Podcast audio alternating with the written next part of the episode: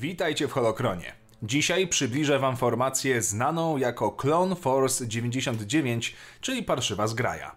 Ich najnowsze losy poznacie oczywiście w aktualnie nadawanym serialu animowanym, niemniej dla tych, którzy nie wiedzą co to za bohaterowie, zapraszam na odcinek.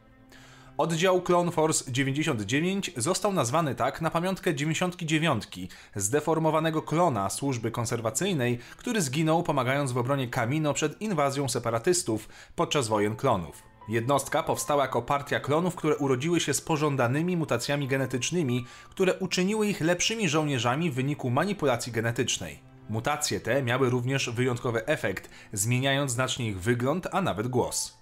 Każdy z członków posiadał określone umiejętności unikalne dla zespołu. Będąc częścią Wielkiej Armii Republiki, zdobyli niemałą reputację. Wiadomym było, że mają stuprocentową skuteczność. Oddział współpracował przy pewnych okazjach z komandorem Kodim, ale nikomu w szczególności nie miał obowiązku meldowania się. Grupa nieco pogardliwie nazywała zwykłych żołnierzy regami. Według Wreckera każdy statek, którego używali, był zawsze zestrzeliwywany, gdy pracowali obok zwykłych klonów. Te miały przynosić im pecha. Pora poznać poszczególnych członków zespołu. Sierżant klonów Hunter posiadał talent przywódczy i potrafił wyczuwać pole elektromagnetyczne emitowane przez droidy, co uważano za nieocenioną umiejętność, ponieważ klon Force 99 często był wysyłany na ściśle tajne i niebezpieczne misje. Dowódca oddziału był niechętny do współpracy ze standardowymi żołnierzami klonami, ponieważ uważał, że będą oni tylko kolidować z taktyką bojową stosowaną przez jego oddział. Crosshair miał wyjątkowy wzrok, znacznie lepszy od zwykłego klona, co pozwalało mu na zdejmowanie celów z bardzo dużych odległości. Chociaż Crosshair był oddany swoim towarzyszom w Clone Force, nie miał większego szacunku dla zwykłych klonów, które uważał za zbędne. Członek, zwany jako Tech, był uważany za geniusza, ponieważ był ekspertem w dziedzinie hakowania i rozwiązywania problemów po cichu i z precyzją. Unikał brutalnej i bezpośredniej siły.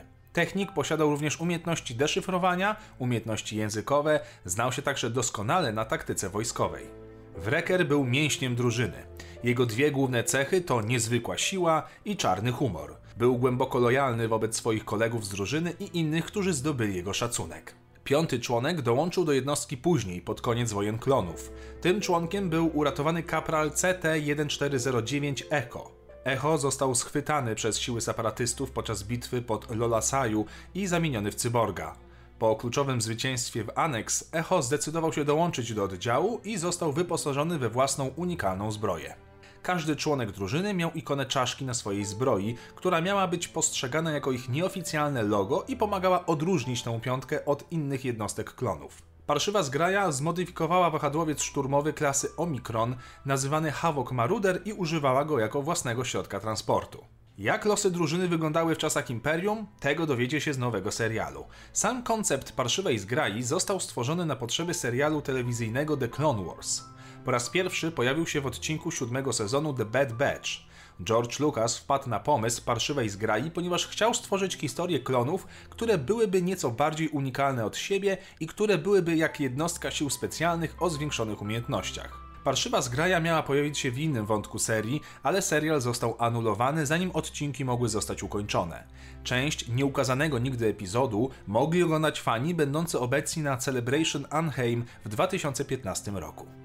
I to wszystko na dzisiaj. Dajcie znać, o czym chcecie kolejne odcinki oraz czy oglądacie serial o parszywej zgrai i jak się Wam podoba. Dziękuję patronom za ciągłe wsparcie. Wpadajcie na Discorda, który obchodzi niebawem pierwszy rok istnienia i niech moc zawsze będzie z Wami.